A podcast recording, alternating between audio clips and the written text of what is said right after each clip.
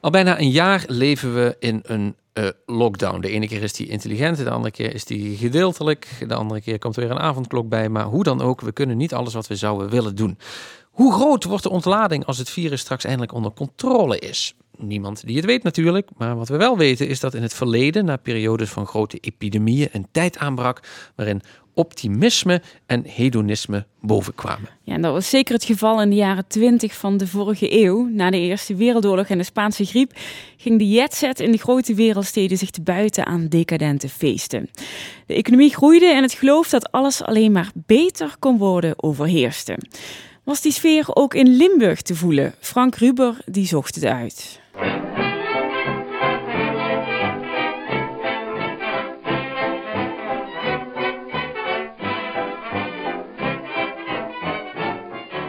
Er zijn mensen die vergelijken onze tijd waarin wij nu leven, althans waar we straks in terechtkomen in die post-corona samenleving, wel eens met de jaren 20 van de vorige eeuw. Nu zo'n 100 jaar geleden.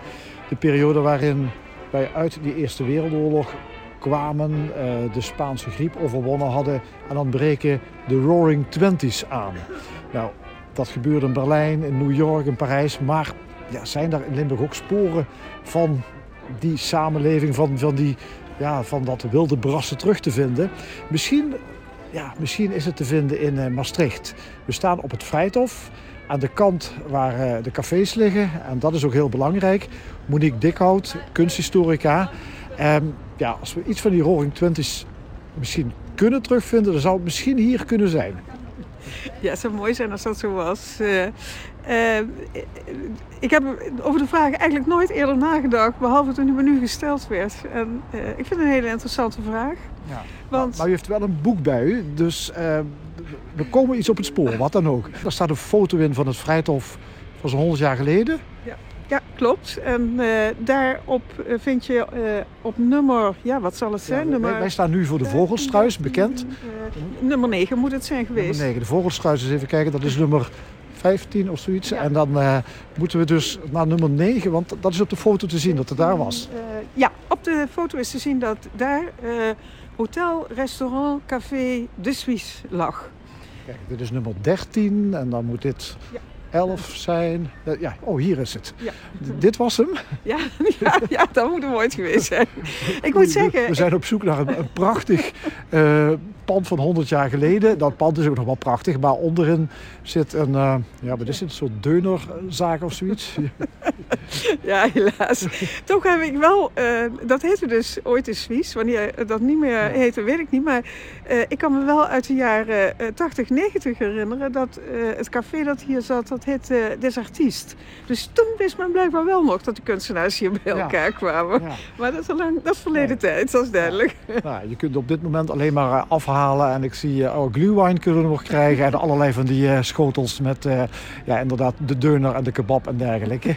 maar hier was dus Café de Suisse. dus Zwitsers, het Zwitsers café was hier gevestigd. En dit was een plek waarin waar, waar mensen bij elkaar kwamen ja, die het over de kunsten, over het leven hadden? Ja, dat denk ik ook, dat laatste.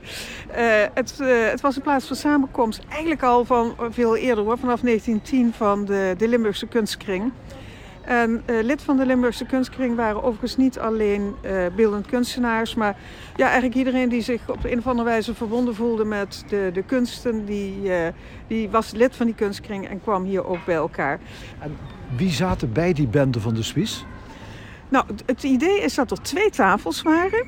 Uh, een tafel met de ouderen en een tafel met de jongeren. En uh, dat komt natuurlijk ook nog voor uit, uit die basis van de Limburgse kunstkring. Dus Rob Graafland, een van de oprichters van de, de Limburgse kunstkring, die hadden uh, ja, de oudere kunstenaars om zich heen verzameld. En aan de andere tafel zat Henri Jonas, die overigens eigenlijk niet zoveel jonger was uh, uh, als uh, Rob Graafland. Maar hij was dus een stuk ouder dan de jongeren.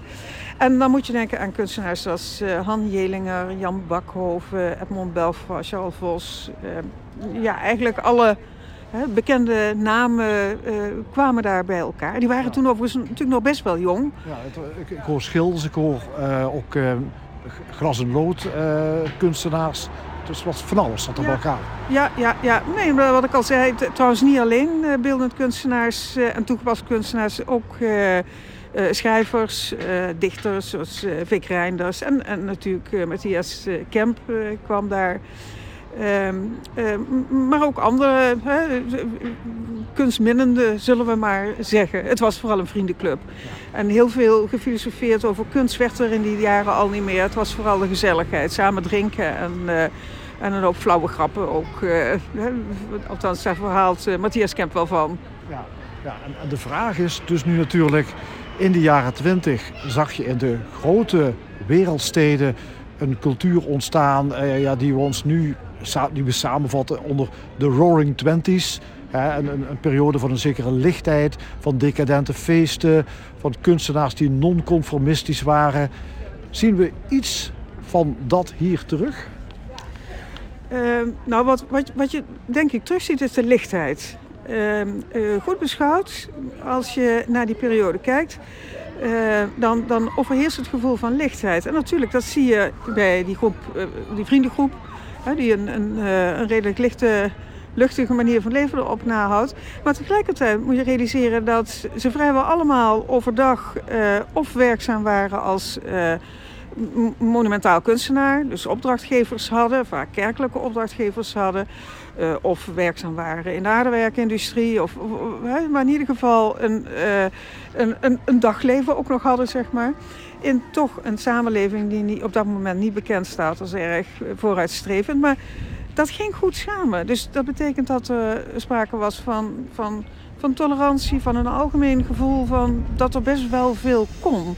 Ik denk dat je in die zin eh, kunt zeggen, natuurlijk, het heeft op, in, in niets herinnert het aan wat, eh, wat we kennen uit de films van, van Berlijn of van eh, Parijs. Maar er zat wel iets in van die, van die lichtheid en eh, het idee dat, nou, dat het ergens achter de rug was, zal ik maar zeggen.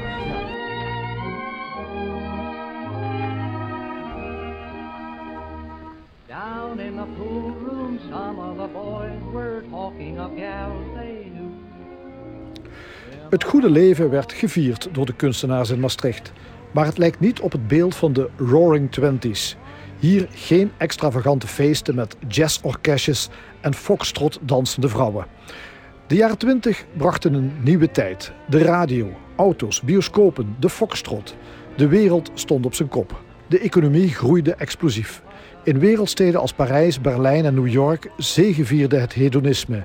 Was die roes ook hier in Limburg voelbaar? Als er in onze provincie al een gebied was waar alles in beweging was, dan was dat wel in Heerlen. Het dorp veranderde door de toestroom van mensen uit de rest van Nederland en Europa pijlsnel. Historicus Rolof Braat. Ja, het was turbulent. Eh, overal werd gebouwd in, in, de, in de streek. Hè. Er, werden ontwikkelde nieuwe, eh, er werden nieuwe wijken ontwikkeld. Er kwamen ook een aantal nieuwe mijn, mijnen in productie. Eh, de ON4, de, de, de mijn in Brunsum, de Hendrik. eh, ehm, de staatsmijn Maurits kwam in 1926 in Geleen. Eh, dus je kreeg, ehm, ja, je kreeg dus aanzuiging van nieuwe mensen. Maar onder de regie van Ons Limburg en andere woningcorporaties werd er ook flink gebouwd. Eh, de stedenbouwkundig moest heel wat veranderen. En we hadden in Heerlen een burgemeester vanaf 1926, die, eh, ook vanaf 1926, die, eh, die heel graag eh, modern Heerlen neer wilde zetten van Grunsven. En bij, die, bij al die ontwikkelingen zie je ook dat er overal in de buurten waar ja, nieuwe mijnwerkersbuurten, waar nieuwe mijnwerkersbuurten gesticht werden, dat daar ook een kerk en een patronaat kwam. En ja, dat heeft, dat heeft er ook weer voor gezorgd dat het verenigingsleven eh, eh, geactiveerd werd. Er kwamen voetbalclubs per buurt. eh, harmonieën, fanfares of zangkoren, noem maar wat op. Allerlei sportverenigingen ontstonden. Allerlei culturele verenigingen ontstonden. En ja, elke buurt had zo zijn eigen business. En dat was onderdeel van de katholieke sociale actie, hè, die Poels opgestart had al eh, eerder, om eh, mijnwerkers goed vertier te geven, zodat ze niet aan de drank gingen en aan de vrouwen. En, en, en dat ze niet bij het socialisme uitkwamen, hè? dat was natuurlijk ook wel belangrijk. ook, hè? Ja, ja, ja. Ehm, dat, dat zijn eigenlijk de ontwikkelingen hier in de mijnstreek. En ik hoor u al zeggen, het werd eigenlijk ook wel door de kerk en wellicht door de overheid werd het ook wel probeerde met een goede banen te leiden. Terwijl je eh, in de jaren twintig, als je mondiaal kijkt, eh, dan hebben we nu de beelden van ja, de, de extravagantie, hè, de, de, de, het mondaine in, in de grote wereldsteden, in Berlijn, in Parijs, eh, in New York, noem maar op. Ehm, die sfeer, is daar iets van terug te vinden hier in de Mijnstreek? De, de decadente feesten misschien wel? Ja, nou, eigenlijk decadente feesten kun je niet zo direct uh, zeggen. Daar ben ik eigenlijk bij, bij allemaal onderzoek uh, naar de geschiedenis van de stad niet zo heel erg sterk tegengekomen. Wat je wel ziet is dat er grote tentoonstellingen komen, hè, middenstandstentoonstellingen, zo waar de middenstand, middenstand zich presenteert, aan, waar ze ook de nieuwigheden presenteren. Je ziet ook dat er toch wel een aantal uh, feesten doorgaan, maar ze zijn toch allemaal wel uh, een stuk uh, gecontroleerd. min of meer dan. Hè. Hè, dat het paste allemaal binnen de katholieke sociale actie, in feite, wat er gebeurde.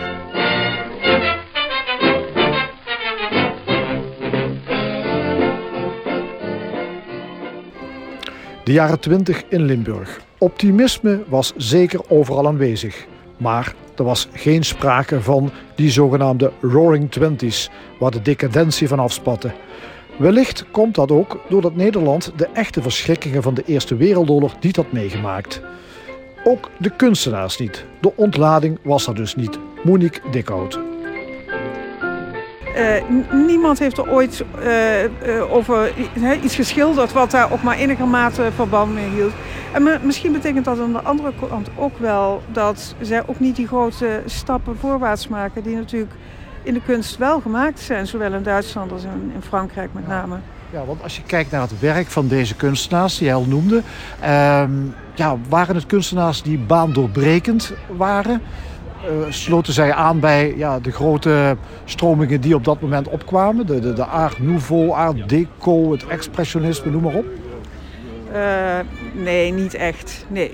Ik, het, het, het was een mooi verhaal. Ik heb uh, nog vrij veel contact gehad, zo'n jaar of 25 geleden, met Chef Scheffers. toen oud-directeur van de, de Stadsacademie, zou ik hem maar noemen, want dat was het uiteindelijk. Hè, de Academie Beeldende Kunsten. En Chef Scheffers, die toen inmiddels ook al 100 was, die vertelde hoe in de jaren 20 ze met de studenten van de academie naar Brussel gingen, naar Antwerpen, van een tentoonstelling van Permeke. En hij zei, en toen kwamen we terug met de trein en toen wisten we allemaal dat het leven nooit meer hetzelfde zou zijn. Maar dat was eigenlijk hun, hun kennismaking met de grote ontwikkelingen in de kunst. Hè, de Vlaamse expressionisten. Dus, en die, die, dat zie je ook. Daarna zie je het terug in het werk van Jonas, in het werk van Schoonbrood, van Kromjong. Je ziet het terug in een hele generatie uh, kunstenaars die gegrepen worden door uh, het, het, het, het, ja, het expressionisme dat uh, daarin zat. Wel, en... Ze waren eigenlijk meer volgend dan dat ze voorgangers waren. absoluut, absoluut. Ja, ja. nee, dat, de, de, de, we moeten het niet groter maken dan het is.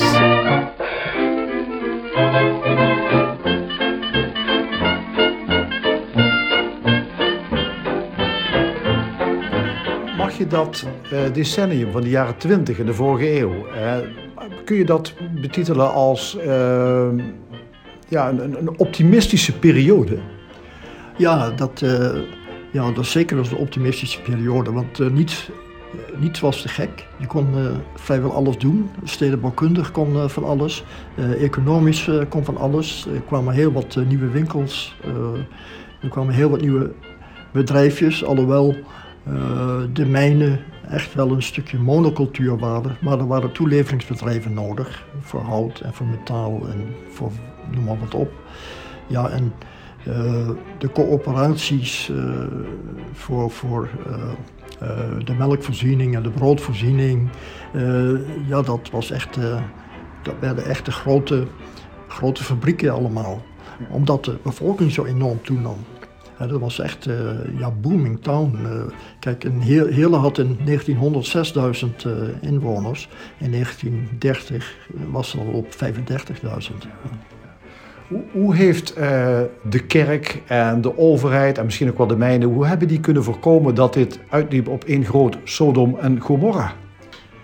Ja, ik, eigenlijk weet ik, ja, door die katholieke sociale actie, hè, de pastoors en, de, en ook de dominees en uh, die, die letten toch wel een klein beetje erop dat er geen uh, zedenverwildering plaatsvond.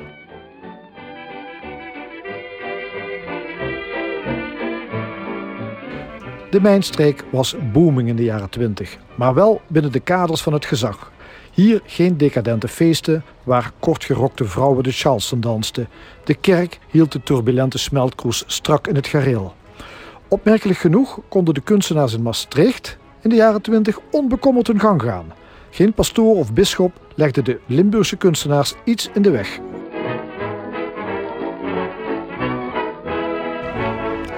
Uh, ja, gek genoeg niet. Ik bedoel, we herinneren ons natuurlijk allemaal het idee van uh, de, de kerk die, die ja, als het ware aan het potlood van de, de kunstenaar vasthoudt en hem vertelt wat, uh, wat er afgebeeld moet worden en eigenlijk ook nog wel hoe. Maar dat is eigenlijk een verhaal van direct na de oorlog. Uh, en, uh, dat speelt... Direct na de Tweede Wereldoorlog. Ja, ja, ja, sorry. De, na, direct na de Tweede Wereldoorlog. De, de, de late jaren 40, de jaren 50. Uh, waarin er eigenlijk op een vrij krampachtige manier geprobeerd wordt om die, die kerkelijke kunst in een bepaalde richting te sturen. Maar dat speelt in deze periode totaal niet. En dat geeft die kunstenaars ook een, een enorme vrijheid. Want natuurlijk, ze zijn vanzelfsprekend katholiek. Laten we daar geen misverstand over laten bestaan. Er zit in die zin niks, uh, uh, ook niks non-conformistisch in hoor. Maar uh, ze zijn wel vrij. Ook in de, in de wijze waarop ze hun klas- en loodramen aanpakken, hun schilderingen en beelden aanpakken. Daar, daar spreekt een enorme. Ja, de, men, men krijgt een enorme ruimte uh, daarin. Ja. En dat is eigenlijk wel heel bijzonder. Uh, dus, de, zeker omdat we dat naoorlogse beeld hebben van die, die toch wat benauwde sfeer waarin die kunstenaars terecht zijn gekomen. Ja, en dat was heel anders dus in de jaren 20 van de vorige eeuw. Ja, het is hier allemaal gebeurd dus. Hè. Hier hebben ze heel wat nachten bij elkaar gezeten. Want ik begreep dat het echt doorhalen was ook, hè, de nachten door. Ja, ja, dat was het zeker. Dat was echt, hier sloot het op een gegeven moment wel hoor. Uh, en als ze hier dan uh, niks meer, uh, niks meer kregen, dan, dan gingen ze naar de Staar. En als ze daar ook niks meer kregen, dan gingen ze naar de kamer van Charles Niepels. Die woonde in de Grote Staat. Uh, op de, de, hoek van de Grote Staat en, de, en het Leliestraatje. En dan, uh, dan haalden ze daar verder door.